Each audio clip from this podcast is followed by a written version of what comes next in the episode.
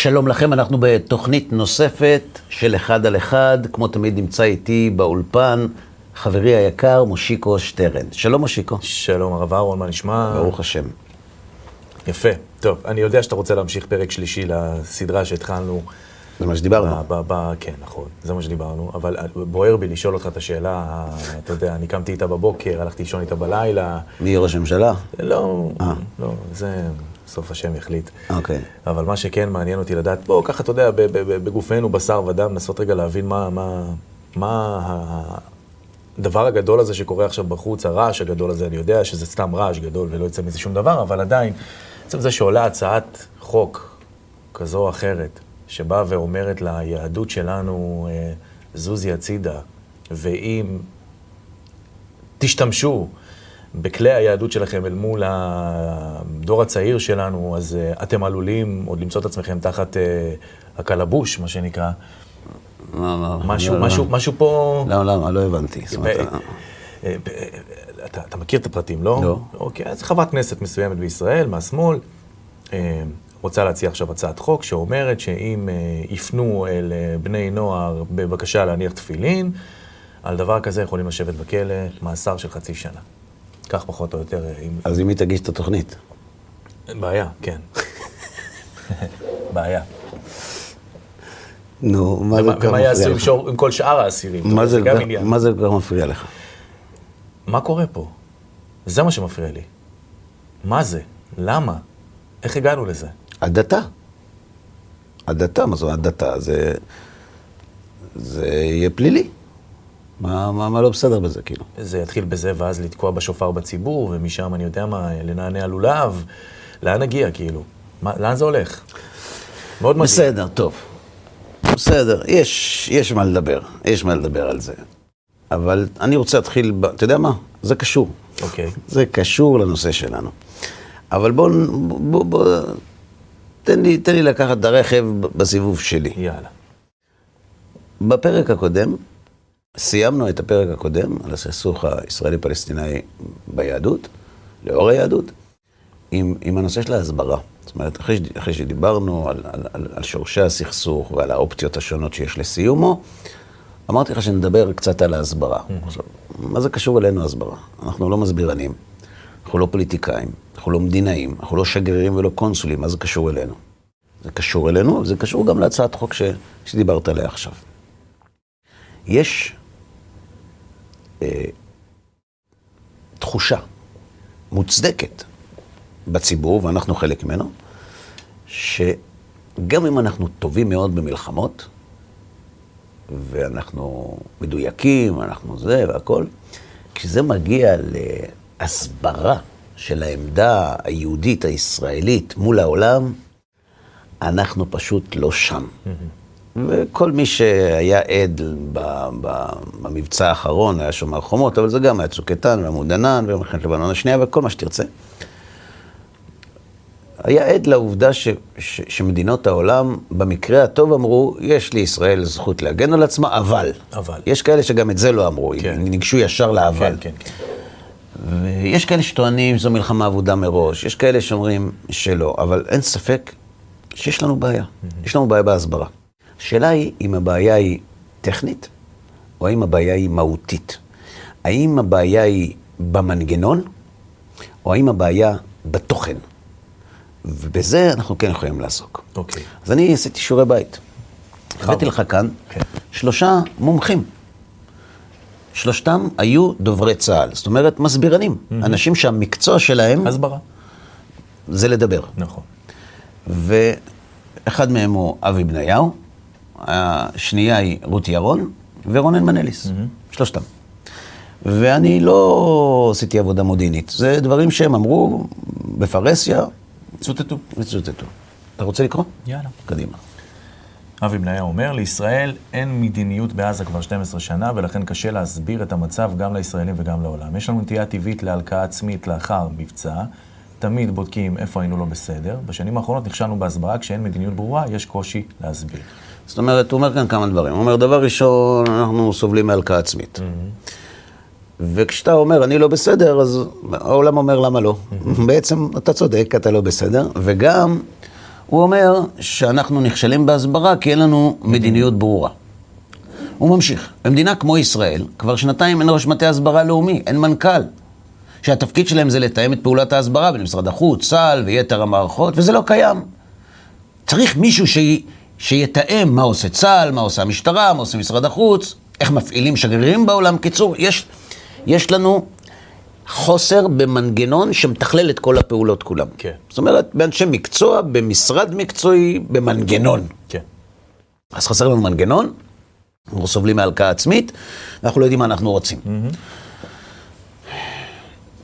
רות ירון, שגם הייתה דובר צה"ל, אומרת, אין לישראל מטה לאומי שמתכלל את ההסברה. בדיוק מה שאמר אבי בניהו. אחרי מלחמת לבנון השנייה הוקם כזה גוף, אבל הוא היה חלש. והכשל השני, שבזמן המבצע בעזה, מי שצריך לעמוד בחזית ההסברה הם אנשי מדיניות ולא אנשי צבא. מתי שולחים אנשי צבא להתראיין? תשלחו מדינאים. זאת אומרת, יש כאן נקודות מקצועיות, טקטיות, שאנחנו נכשלים בהן ולכן התוצאה גרועה. רונן מנליס, הוא אומר ככה, צריך להקים גוף שמרכז פעילות, שוב פעם מדבר על מנגנון, לאסוף גורמים שנותנים תשובות, נכון? כל ערב, לדאוג לפעילות ברשתות החברתיות, הוא כבר יותר צעיר, יותר מתקדם. כן. ראיתי ניסיונות של שימוש במשפיענים, מה שנקרא... כוכבי רשת, כן. כן. כן. אבל הכל בקטנה, אין מי שמכוון. יש צורך בסמכויות, תקציבים, בקיצור, צריך, צריך להקים מנגנון. כן. אני מבקש לטעון, אני לא אומר שהם לא צודקים, אולי צריך להקים מנגנון כזה, אבל כשהמנגנון הזה יקום, מה הוא יסביר? מה התוכן? מה התוכן שהוא ישתמש כן. בו? ואני רוצה לטעון כאן, תסלח לי על הרהורי הכפירה שלי, שגם אם יקום מנגנון, ההסברה תיכשל בגלל שהתוכן שלנו לא רלוונטי. כלומר, אנחנו צריכים לעסוק בתוכן, במנגנון יעסקו אחרים, אבל התוכן הוא תוכן שאנחנו לא משתמשים בו היום. ולכן זה קשור לשני הפרקים הקודמים שדיברנו עליהם. מהו התוכן?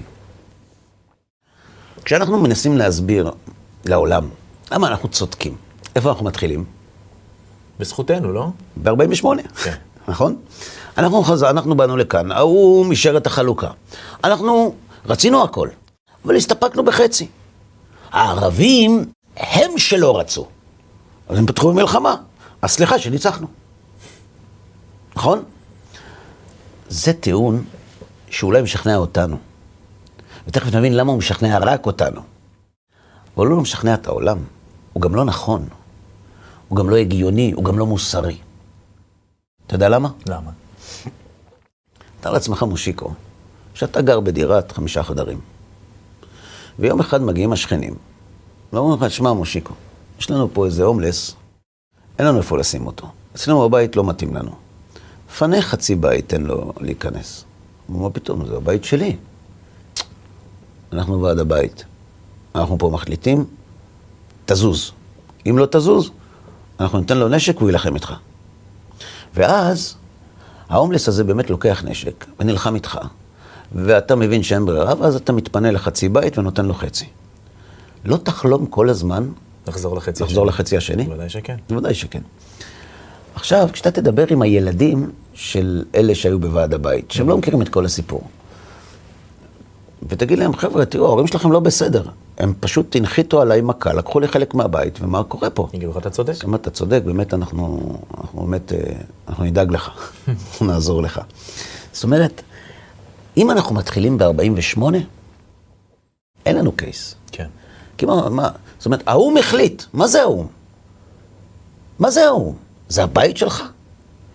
אם ועד הבית יחליט לסלק חצי מהבית שלי, אז, אז, אז הוועד, מי, מי אתם שתחליטו? אה, יש לנו כוח. בסדר, אתה מדבר על כוח סיפור אחר, אני מדבר איתך מוסרית כרגע. זה שהערבים לא הסכימו ויצאו למלחמה נגדנו, ככה גם אנחנו היינו נוהגים.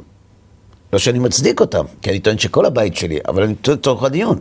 שיושב צרפתי בצרפת, או גרמני בגרמניה, טוב, גרמני בגרמניה זה בעיה אחרת, אבל שוויצרי בשוויץ, ומסתכל על המזרח התיכון, הוא מסתכל עלינו כאנשים שהגיעו לחבל ארץ, שהיו גרים בו אנשים, דחפו אותם הצידה, ומתגוררים להם, וכשהם רוצים זכויות, אומרים להם לא תקבלו. כן. איפה הצדק פה?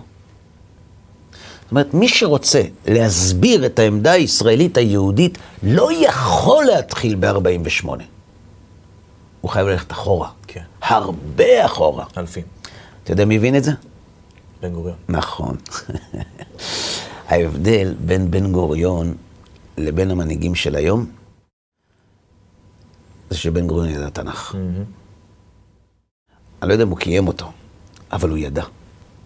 והוא הבין משהו שהיום הפוליטיקאים שלנו לא מבינים. שאם אתה רוצה לעמוד מול העולם ולנגן להם על המצפון, על המוסר ואפילו על השכל, אתה חייב ללכת אחורנית. אתה לא יכול לחזור ל-48. ויש לי הוכחה, הבאתי אותה. בבקשה. בשנת 1936, ממשלת בריטניה מינתה את ועדת פיל. מה היה תפקידה של הוועדה?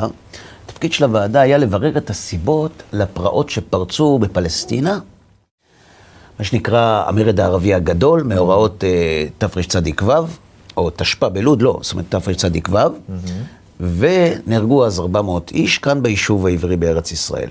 בסדר? זה אה, התקיים בירושלים, הוועדה ישבה במלון פאלאס בממילה. כן. בפני הוועדה אה, אה, התייצבו עדים, גם מהיישוב הישן, הרב דושינסקי, זכר צדיק לברכה, ועוד אחרים, מטעם אגודת ישראל. אה, אנשי הסוכנות, ההנהגה העברית של המדינה שבדרך. היו שם משה שרת, ז'בוטינסקי, חיים ויצמן, וכמובן בן גוריון. ואת הערבים ייצגו תשעת החברים של הוועד הערבי העליון, בראשותו של, יימח שמו וזכרו, חאג' אמין, חאג' אמין אל-חוסייני, שהיה המופתי של ירושלים, והיו לו הרבה חברים בגרמניה, היטלר ואחרים. ויש סיפור מפורסם על מה אמר בן גוריון ללורד פיל. כשהוא שאל אותו, מה זכותכם על הארץ? שזה בעצם מה שאנחנו צריכים להסביר היום לעולם. כן. ויש כל מיני גרסאות. אני בחרתי להביא, תסלח לי על, ה, על הגישה החדשנית, את הנוסח המקורי. בסדר? תסתכל. הלורד פיל, כשבן גוריון מעיד, תוך כדי שהוא מעיד, קוטע את דבריו. שואל אותו, היכן נולדת? ובן גוריון משיב, בפלונסק. והיכן היא פלונסק? ובן גוריון עונה, בפולניה. ואז הלורד פיל שולף את הטענה שגורמת לכשל ההסברתי שלנו. זה לא חדש. נכון, ובכן מעניין. ככה אומר לו הלורד פיל. כן. כל הערבים שהעידו לפנינו, נולדו כאן. נולדו כאן, בארץ הזאת, ואילו אתה לא. מה אם כן זכותכם על הארץ הזאת? האם יש לכם מסמכים כלשהם? לנשל תושבים מביתם אינו דבר של מה בכך, הלא כן? אחד לאחד. אז מה היה עונה היום אה, המנהיג אה, של מדינת ישראל? מה, אנחנו באנו לפה באישור האו"ם, 48, חילקו, הם לא רצו, יצאו, עשו מלחמה, הם צריכים להגן על עצמנו, מה אתם רוצים מאיתנו? בן גוריון לא הלך לשם, גם כי מלחמת השחרור עוד לא עוד הייתה. לא הייתה. כן. ואז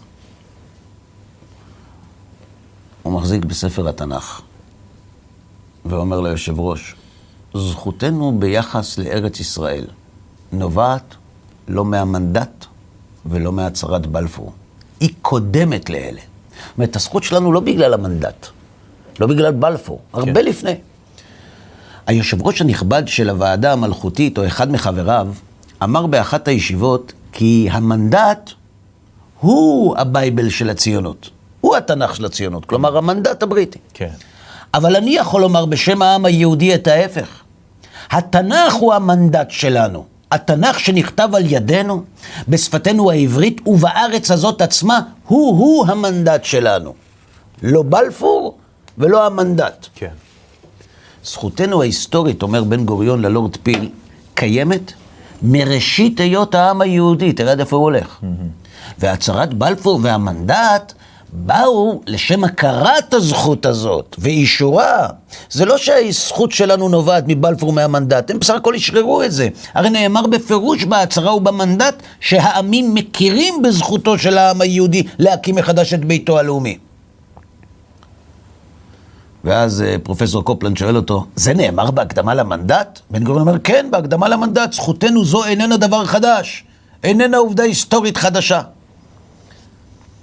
ואז שואל אותו היושב ראש, אז לדעתך הדברים נאמרו בתנ"ך יותר ברור מאשר במנדט?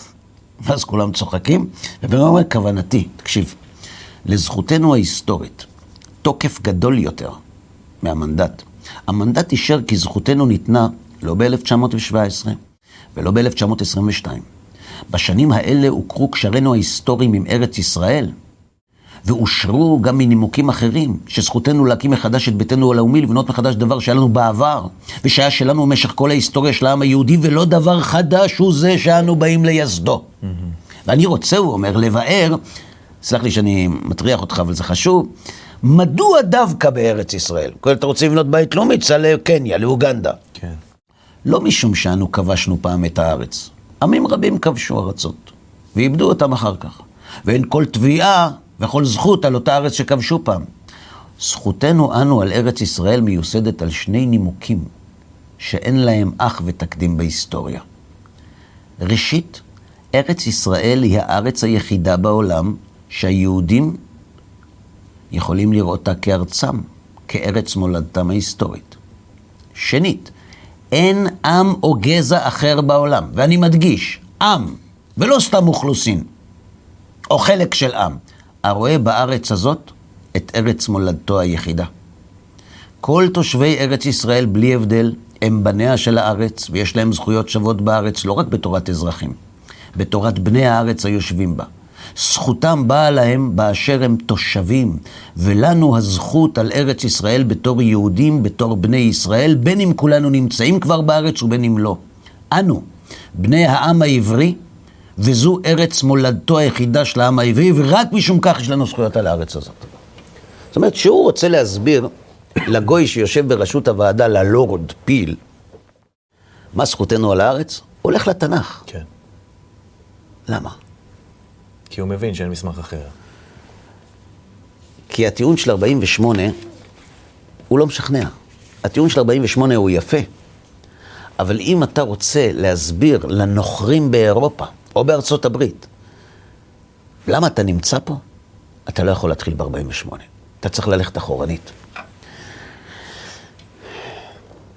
ואני רוצה לומר לך משהו. אם אנחנו נשתמש בתנ"ך כמקור זכותנו על הארץ, אנחנו נצליח. Mm-hmm. משתי סיבות, אחת, כי זה כתוב בתורה, שניים, בגלל שגם הנוצרים וגם המוסלמים מבינים את השפה הזאת. אתה רוצה לשמוע דבר מעניין? אתה מסכים איתי שהדבר הכי מזוהה עם העם היהודי זה התנ"ך? בהחלט. נכון. לכן, אם יש לך נכס שכולם מכירים בו שהוא שייך לך, אם ממנו תצליח להוכיח שהארץ הזאת שלך, יכול להיות שידרשו ממך להתנהג יפה, אבל זה הבית שלך. אנשים, אנשים שחזרו אחרי השואה לבתיהם. Mm-hmm. אז ברוב המקרים היו שם אה, גויים, כן. שגירשו אותם. אבל אני רוצה לספר לך, הסבא והסבתא שלי בהונגריה, אחרי השואה, חזרו לבית שלהם. לא היה שם אף אחד. הם חזרו הביתה וגרו שם עוד שלוש שנים. ואף אחד לא התווכח. אף אחד לא התווכח איתם, אף אחד לא אמר להם, זה לא שלכם. כי הם חזרו לבית שלהם. לכן, אם לא נדגיש, לא מדובר כאן על תקומת עם בארצו. מדובר כאן על שיבת עם לביתו. ברגע שהמילה שיבה תהיה מרכזית ותיכנס לתודעה, הנימוק המוסרי של אין לכם זכות פה בארץ ייעלם. אבל בשביל זה אנחנו צריכים את התנ"ך. אבל... אני אתן לך דוגמה. כן. אם במקום להשתמש בדוגמה של 48, נשתמש בדוגמה הזאת, מה דעתך? נעשה כזה סרטון, מה דעתך? אנחנו רואים אנשים יושבים בבית שלהם, פתאום מגיע צבא מבבל. ומגרש אותם מהבית, מוריד את המגן דוד, את המזוזות, שם את האריה של בבל, כן. ואחרי זה באים פרסים, ומגרשים את הבבלים שגירשו את היהודים, ושמים שם סמל של דוב. ואחרי זה באים היוונים של אלכסנדרוס מוקדון, ומסלקים את הפרסים עם הדוב, שסילקו את הבבלים עם האריה, שסילקו את היהודים עם המגן דוד, כן. ושמים שם נשר. אחרי זה באים האדומים מאירופה, הרומאים, ושמים את הנשר שלהם, שמסלק את היוונים, שסילקו את הפרסים, שסילקו את הבבלים, שסילקו את היהודים מהארץ שלהם. וכך עוברים להם השנים. ואז בינתיים מגיעים הממלוכים והסלג'וקים והפטימים והמונגולים והעות'מאנים וצלאח א-דין ופרידריך השני ומס היה אצלם. וכל אחד מגרש את הקודם ושם את שלו, מגרש את הקודם ושם את שלו והיהודים איפה הם? נעלמו, יושבים להם באיזה מקום. ואז, אחרי הרבה הרבה שנים, יום אחד אתה מתחיל לראות אנשים מגיעים עם שקים ועם חבילות ומתחילים להתקבץ ועומדים בכניסה לבית. וגרים שם בדואים. אומרים להם, מה אתם עושים פה? אומרים, ברוך השם, חזרנו הביתה, איזה בית? זה לא בית שלכם. אם אנחנו נראה את כל הסרטון הזה, נמחיש אותו, מישהו יאמר שהנוודים האלה שחזרו, אין להם זכות להיכנס לבית? ודאי שלא.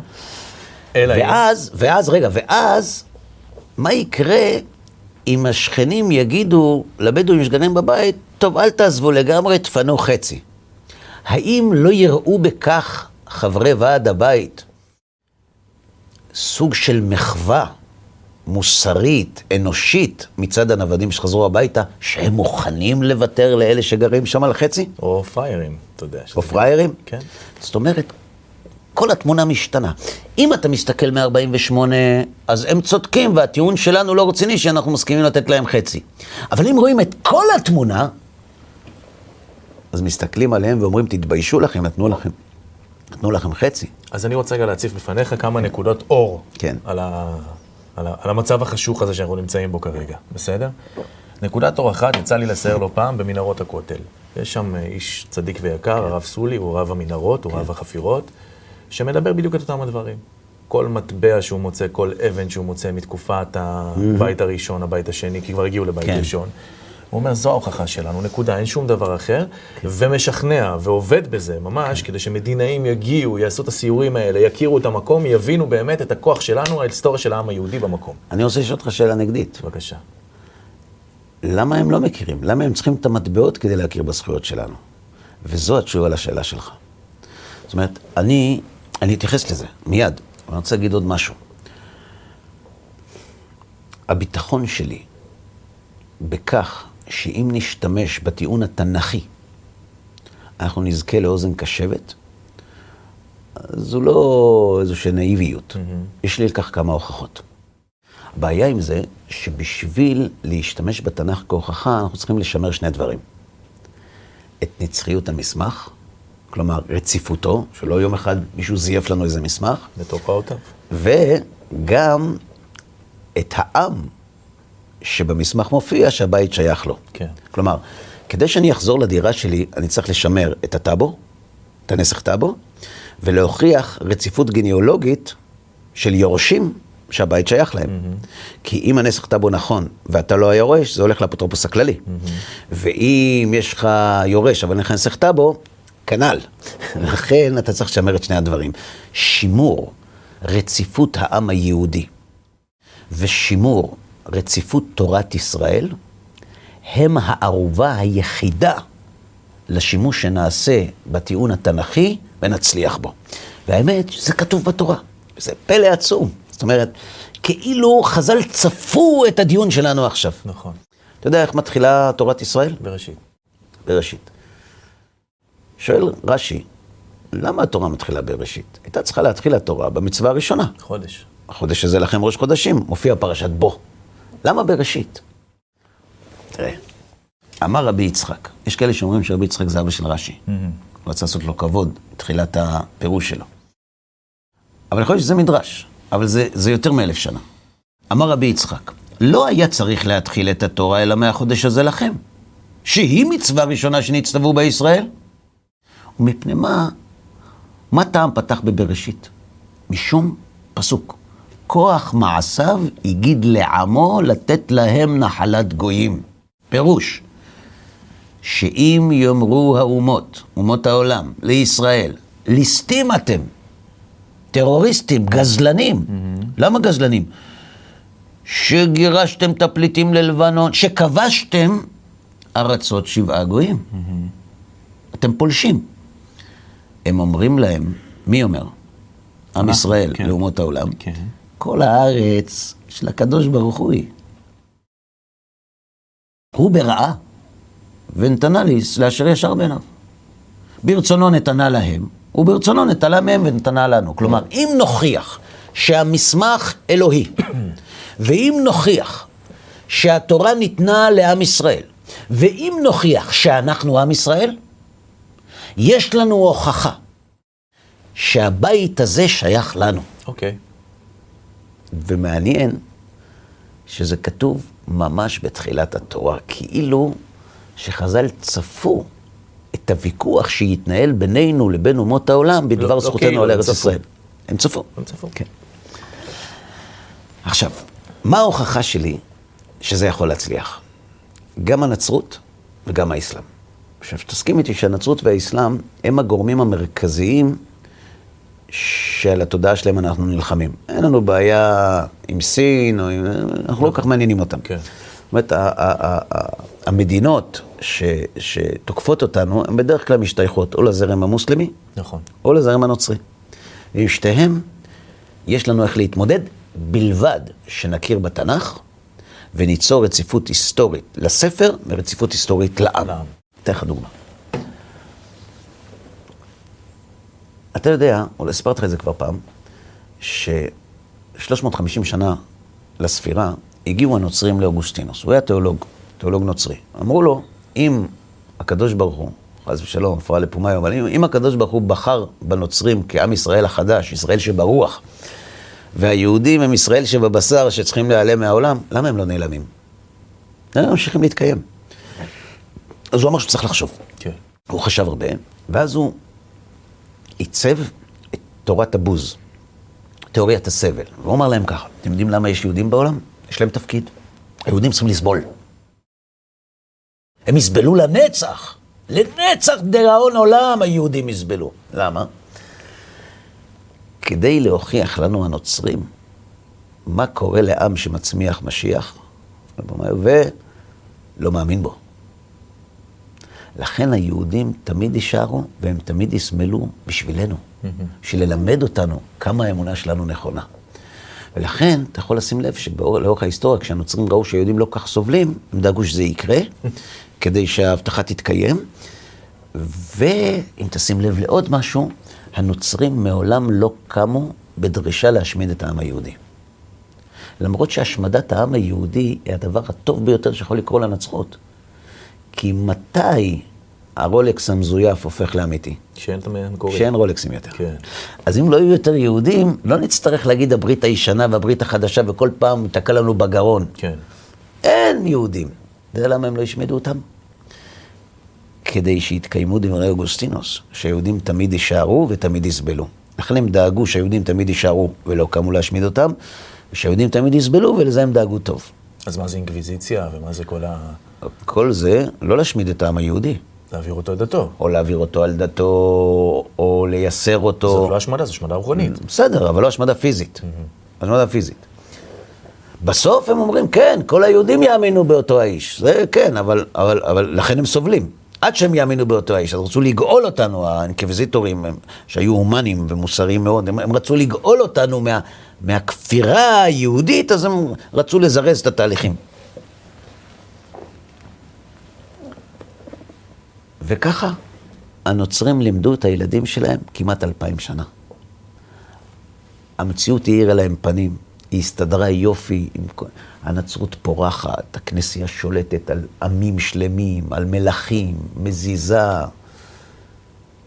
כמעט אלפיים שנה. והיהודים סובלים. והיהודים סובלים, זאת אומרת, הכל מסתדר לפי הנוסח. להבדיל אלפי הבדלות, תאר לעצמך שהיה מתקיים בנו אם בחוקותיי תלכו ואם בחוקותיי תימסו. זאת אומרת, אם ילד היה קם בבוקר בתל אביב או בירושלים ורואה שהמציאות תואמת בדיוק את מה שכתוב בתורה, ויד ישראל תקיפה, והכל מצליח לנו כי אנחנו מקיימים מצוות, זו הרי הוכחה מופלאה לכך שהתורה היא אמת. Mm-hmm. ועם זה הם חיו אלפיים שנה.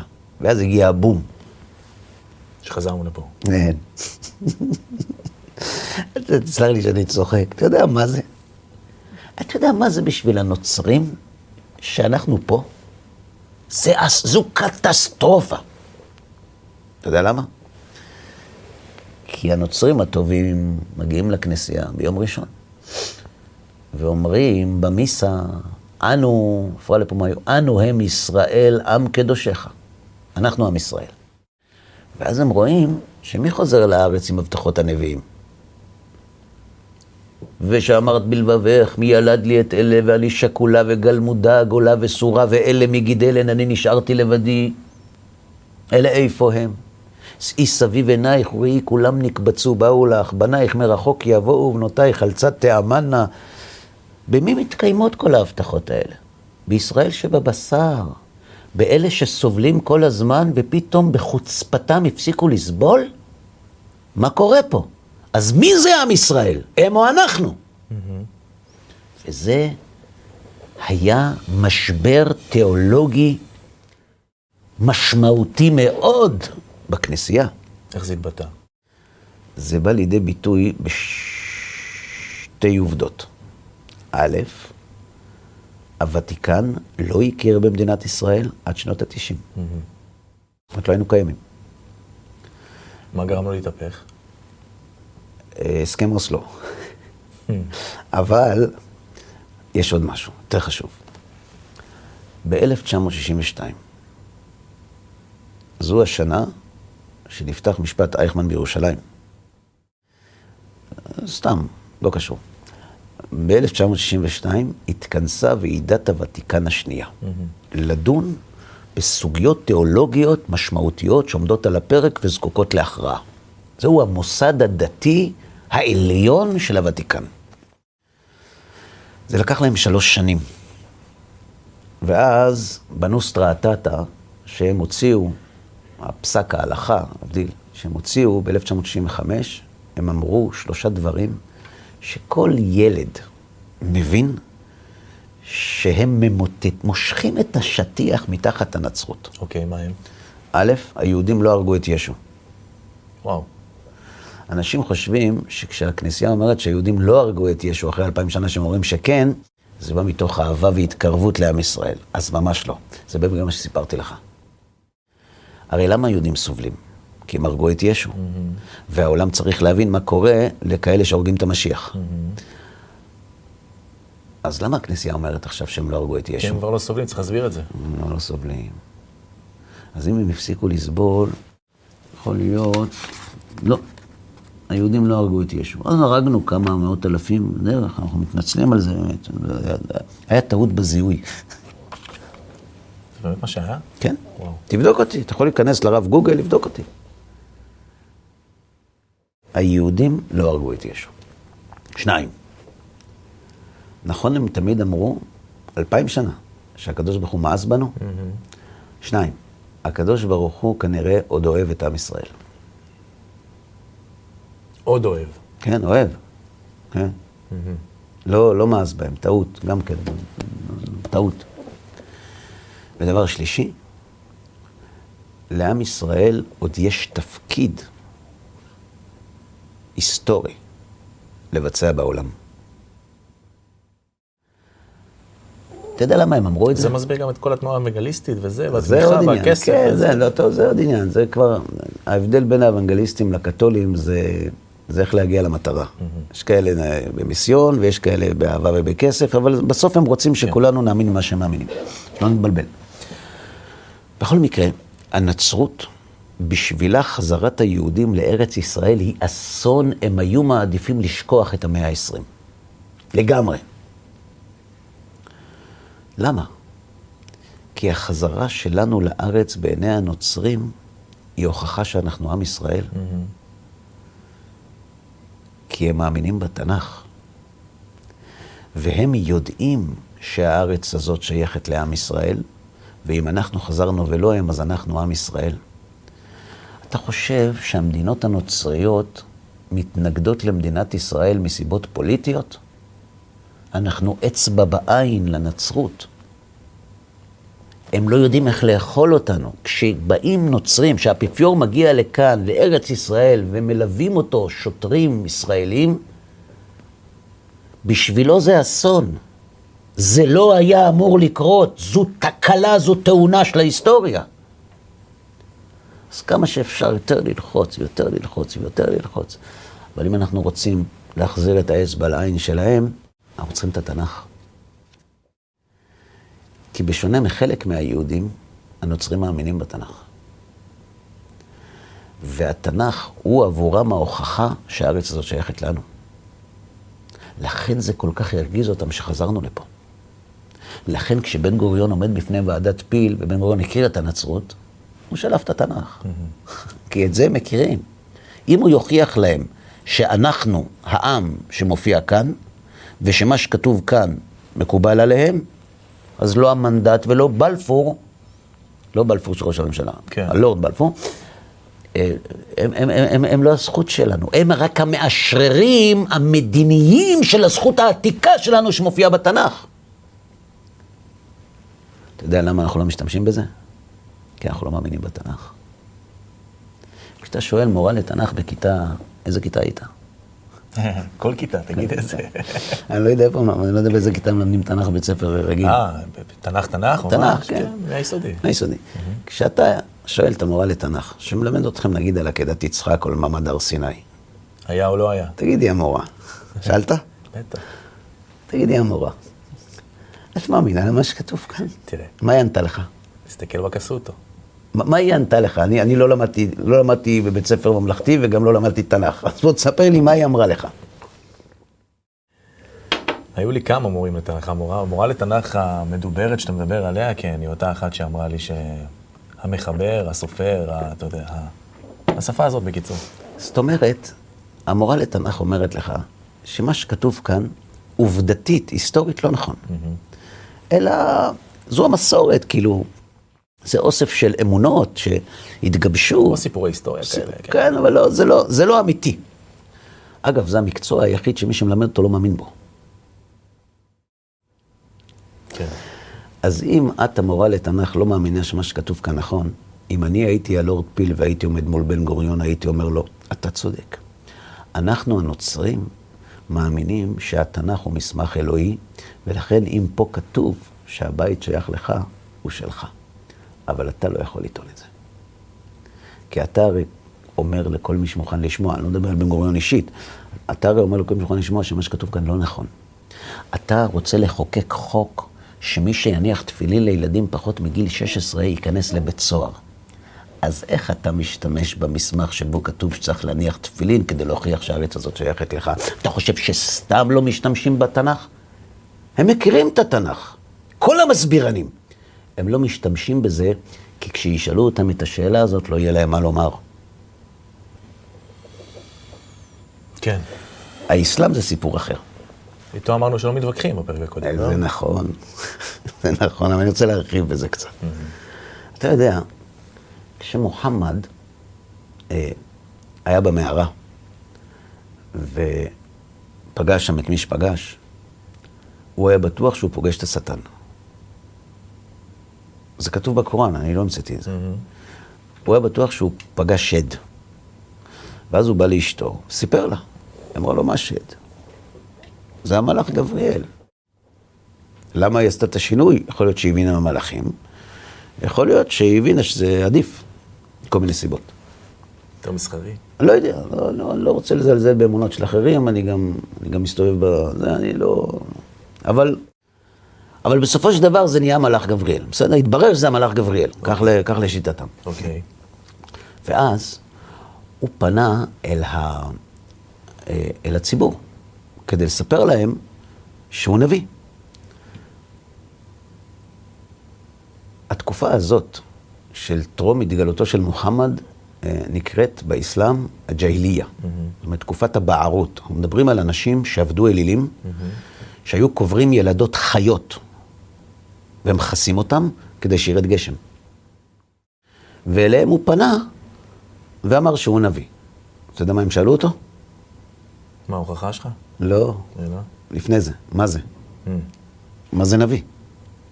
עובדי אלילים רגילים שהם מדברים עם השמיים. הם לא רגילים שהשמיים מדברים איתם. כן. זאת אומרת, החידוש הזה, שמי שיושב בשמיים מדבר עם בני אדם, כן. הוא לא היה מוכר בחצי האי ערב. אתה יודע מה ההוכחה שלי? כי כדי להוכיח להם שהשמיים כן מדברים, הוא היה צריך אותנו. הוא אמר להם, מה זאת אומרת? מה, אתם רוצים הוכחה שהקדוש ברוך הוא מדבר? היו נביאים, היה הנביא הזה, והנביא הזה, והנביא הזה, מה אתם מדברים? תשאלו את בני עם הספר, הם, הם יודעים שהקדוש ברוך הוא מדבר עם אנשים, הוא גם נתן להם תורה על הר, ו, וגם הוציא אותם ממצרים, וגם נתן להם את הארץ. זה כתוב בקוראן. האמת היא, היחס לארץ מחולק בקוראן לשני מצבים, פעם אחת כן, פעם אחת לא, אבל, אבל כתוב שהוא נתן לנו את הארץ. הקדוש ברוך הוא נתן לנו את הארץ. ולכן הוא היה צריך שהיהודים ייתנו לו חותמת שהוא נביא. כי אם הם ההוכחה לנבואה, והם יגידו שהוא נביא, אז יקבלו אותו. הבעיה היא שהיהודים לא, לא הסכימו. למה? כי הוא בא אליהם, כתוב שהוא בא ביום שישי לשוק. מה עושים אנשים ביום שישי בשוק? מתארגנים לשבת, לא? יפה. כן. אז עוד לא היה יום שישי של המוסלמים, כי זה ברור. בהתחלה. והנוצרים זה יום ראשון. אז ביום שישי היו בשוק, רק היהודים באו לקנות אה, גפילטה פיש ב- כן. במכה. אה, או חריימה, לא יודע מה יש במכה. בכל אופן, שאלו אותו, מה הנביא? אמר להם, כן, מה, מה הנביא? אמר להם, אני אגיד לכם. הוא אמר להם ככה, שפרעה אמר לאמן לבנות לו מגדל מלבנים עד השמיים. בבל. בבל פרס למצרים. אמרו לו, מה עוד? אמר להם, מיר, מרים, אחות של משה ואהרון, כן. זו מריה. היא אימא של ישו. אה. לא הסתדר להם. אמרו לו שמבחינה כרונולוגית יש בעיה. כן, יש פה אתה. יודע מה קרה בסוף? הוא הרג אותם. הוא הרג אותם. ואז הוא אמר שהיהודים הם לא היהודים של התורה, הם שקרנים. אלה מגשימים, עובדי חס ושלום, עובדי אלילים. הם עובדים לעוזייר. אתה יודע מי זה עוזייר? עזרא. שאלה אותנו. אנחנו עובדים לעזרא? איפה זה כתוב? איפה כתוב שאנחנו עובדים לעזרא? אה, תן לי מקור אחד. ואנחנו עובדי עבודה זרה, היהודים, והיהודים של היום זה לא היהודים של התורה, וגם הספר שיש, תקשיב טוב, גם הספר שיש ליהודים היום, כלומר, מה שהמורה לתנ"ך אמרה, מוחמד מסכים איתה. זאת אומרת, זה לא התנ"ך שהשם נתן ליהודים. הספר הזה הוא מזויף. היהודים האלה שמחזיקים היום בתנ"ך זייפו אותו. למשל, הם החליפו את ישמעאל ביצחק. את מי עקדו? את ישמעאל, הוא אומר. והיהודים שינו, וחוץ מזה טוענים המוסלמים שמוחמד היה כתוב ב... כנביא בתורה, והיהודים מחקו אותו. יהודים שקרנים. כופרים. נו, איך מתווכחים עם זה אבל? לא מתווכחים. נכון. אתה יודע למה לא מתווכחים? בגלל הרמב"ם של הפרק הקודם. נכון. הרמב"ם אומר, אם מי שקורא לך שקרן, אתה לא יכול להתווכח. בדיוק. אתה יכול להציג טיעונים ולהגיד לך, אתה משקר, אז מה, כאילו, מה עשינו? אז זה קצת... אה, אבל זה יסביר לנו, יסביר לנו איך זה עובד. אתה זוכר שאמרת לפני כמה דקות שהוא מוצא שם מטבעות בכותל, הרב אה, סולי. סולי, מוצא מטבעות הכותל וזה. למה הוא צריך הוכחות? לא בגלל הנוצרים, בגלל המוסלמים. כן. המוסלמים טוענים שאנחנו שקרנים. המוסלמים טוענים שאנחנו לא עם ישראל. נכון. לכן, מקני זה המחליף של אה, סולימני. מה אמר לפני שבוע? תכינו את הבתים שלכם באירופה ובאמריקה ותחזרו לאיפה שבאתם. זאת אומרת, מה, זה, אנחנו אומרים, מה, הוא משוגע? יש פילוסופיה מאחורי מה שהוא אומר. הוא אומר, אתם לא קשורים ליהודים שהיו גרים פה פעם. אתם עם אחר. אתם אירופאים ואמריקאים, מעניין, הוא מתעלם מעדות המזרח. תמיד קיפחו אותנו. תמיד קיפחו אותנו, נכון? לא מזכיר אותנו כי אנחנו אוויר. מדבר רק לאשכנזים. תחזרו לאירופה ולארצות הברית. על מה זה מבוסס? על הטיעון שאנחנו לא עם ישראל. ואם אנחנו לא עם ישראל, אז כל הסיפור שלנו על זה שהיינו פה לא נכון, ולא היה פה לא כותל של יהודים ולא בית מקדש של יהודים. זה לא שלכם. אתם לא היהודים ההיסטוריים, הספר הזה הוא לא שייך, תשתמשו בו. זה שקר מה שכתוב חס ושלום בספר הזה, אתם זייפתם את זה. זאת אומרת שמה שאתה אומר לי עכשיו, זה גם אם עכשיו אני אה, ביבי נתניהו, ואני עומד עכשיו ברשת CNN עם התנ"ך, ומסביר את כל ההסבר שנתת עכשיו, המוסלמי יבוא ויגיד, אז מה אתה רוצה? זה לא אתה. נכון, אבל הנוצרי יגיד שכן. אתה רוצה לראות? הבאתי לך. יש במצרים אוניברסיטה. Mm-hmm. אוניברסיטה שהיא אחת הסמכויות, אולי הסמכות העליונה, mm-hmm. באל-עזר, במצרים. הוציאו, אה, הדובר של האוניברסיטה הוציא אה, מנשר, לפני שבוע אולי. כותל אל-בורק, ככה הם קוראים לכותל המערבי. כן. הוא הקדש מוסלמי טהור. זאת אומרת, לא הר הבית, כן. הכותל. הקדש מוסלמי, לכן הם עשו שם מזבלה. Mm-hmm. שכן נביא האסלאם מוחמד עלה ממקום זה לשמיים במסעו הלילי. למרות שיש אנשי דת מוסלמים שטוענים שכל הסיפור של אל-אקצא זה בכלל לא בירושלים, זה ליד מכה. נכון. אבל לא משנה. כותל אל-בורק, הכותל המערבי, הוא הקדש אסלאמי טהור שכנביא האסלאם מוחמד עלה ממקום זה לשמיים, מסעו לילי. Mm-hmm. התביעה הציונית לבעלות על הכותל המערבי מבוססת על שקר. הנה זה. על איזה שקר? אז הישראלי המצוי לא מבין. לא מבין על מה מדובר. אבל כשיושב מולך מוסלמי ואומר לך, הארץ הזאת לא שלך, כן. הוא לא מתכחש למציאות. הוא אומר, המספר זהות של ההוא ושלך זה לא אותו מספר, זה מישהו אחר, קוראים לכם אותו דבר. אתם שייכים לאירופה, אתם שייכים לאמריקה, אתם לא שייכים לפה. וגם טענתם של היהודים בדבר קיומו של בית מקדש על הר הבית, זה גם שקר. ההיסטוריה, הגיאוגרפיה, החוק הבינלאומי והזכויות האסלאמיות והערביות מאשרים שמדובר בכותל אל-בורק האסלאמי ולא בכותל המערבי היהודי, כך היה כתוב שם. וזה שבוע שעבר? כן. לכן הרמב"ם אמר שזה להתווכח עם מוסלמים. בגלל זה. הם קוראים לך שקרן. ישב ינון מגל באולפן וואלה עם חבר הכנסת זחאלקה. זוכר את זה. זוכר את זה? בטח. זחאלקה הוא לא... לא דתי. כן, אבל הוא, הוא, הוא איש אה, שיודע מה הוא רוצה מעצמו. והוא מתנקז איתו בסופו של דבר. פתאום ינון מגל קולט שהוא יושב מול בן אדם, אומר לו, רגע, רגע, לא היה בית מקדש על הר הבית? אז הוא אומר לו, היה או לא היה? והוא דוחף אותו לפינה, ודוחף אותו לפינה, ודוחף אותו לפינה. בסוף הוא אומר, זה הנרטיב שלכם. כן. הוא אומר, מה זאת אומרת נרטיב? זה עניין היסטורי, היה או לא היה? הוא אומר לו, לא היה. איך הוא אומר לא היה? איך הוא אומר לא היה? אני אגיד לך איך. כי אנחנו שקרנים. כי אנחנו לא עם ישראל. כי כל ההיסטוריה שכתובה בספר שלנו היא מזויפת. לכן הוואקף המוסלמי, ההקדש המוסלמי, מנסה לסלק באופן לא חוקי מהר הבית כל זיכרון יהודי בחפירות ובטונות של עפר שמוציאים משם. Mm-hmm. לכן הרב שסיפרת עליו מחפש את המטבעות. כדי לסתור את טענת המוסלמים, לא את טענת הנוצרים. כן, לא, זה לא רק מטבעות, זה הכל, זה שרידים שלמים. נכון. כן.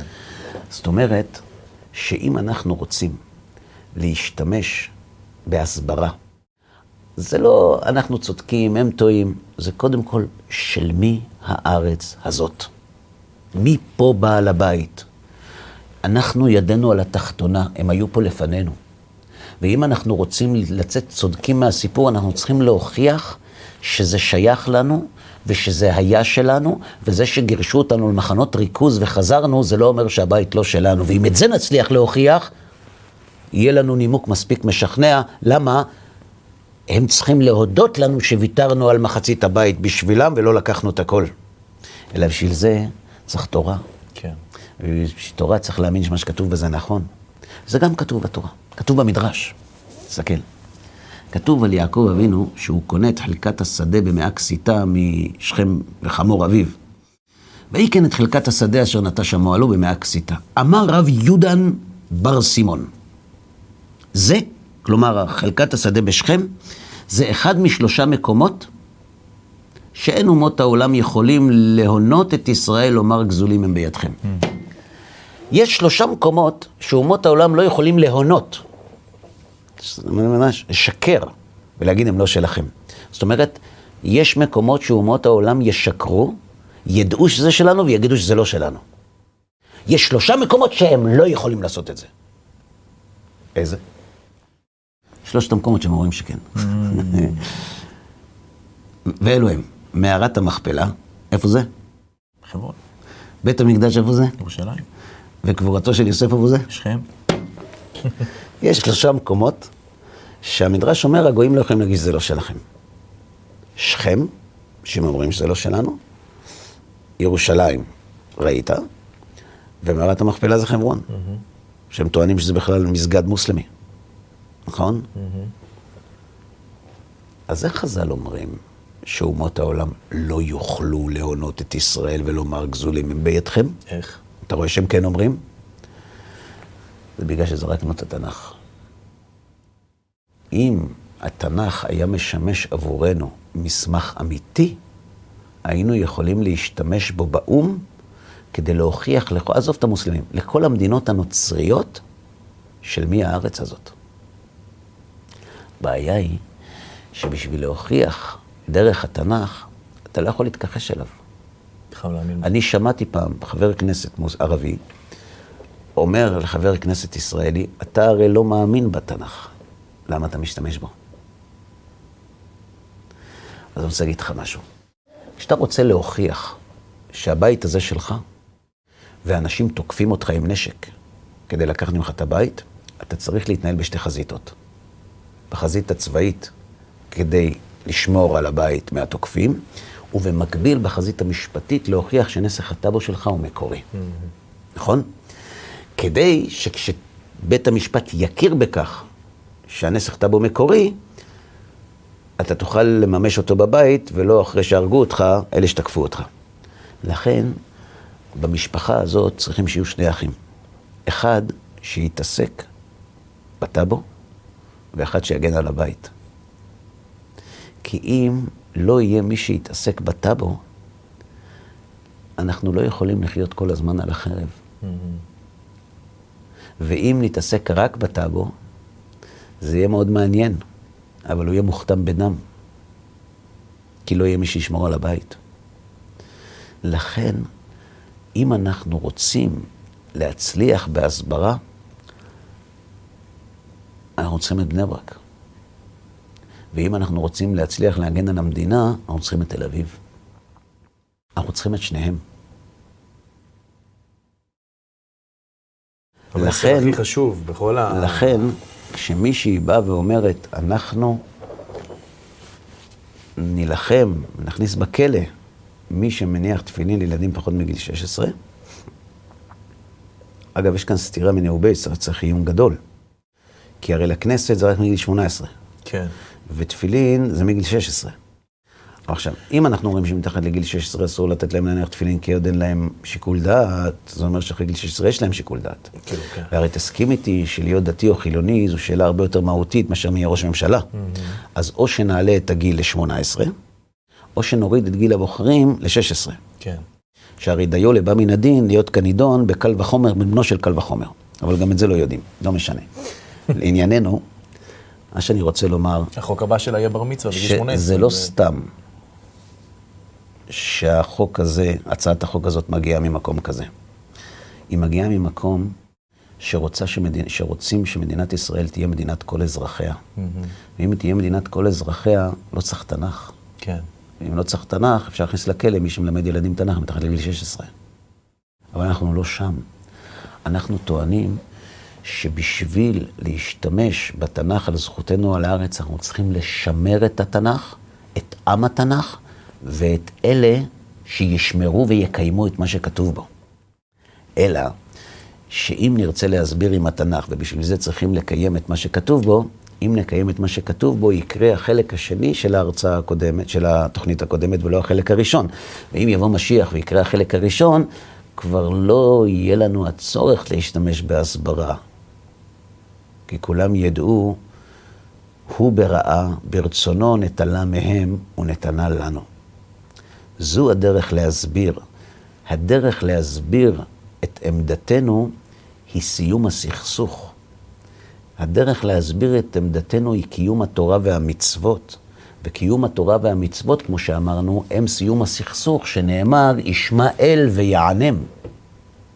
כן. לא יהיה פתרון אחר.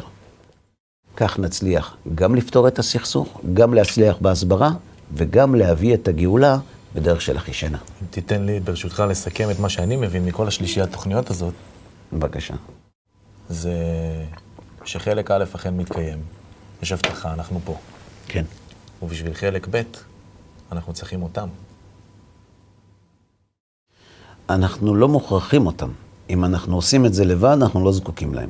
השאלה מה קורה אם אנחנו לא עושים את זה לבד.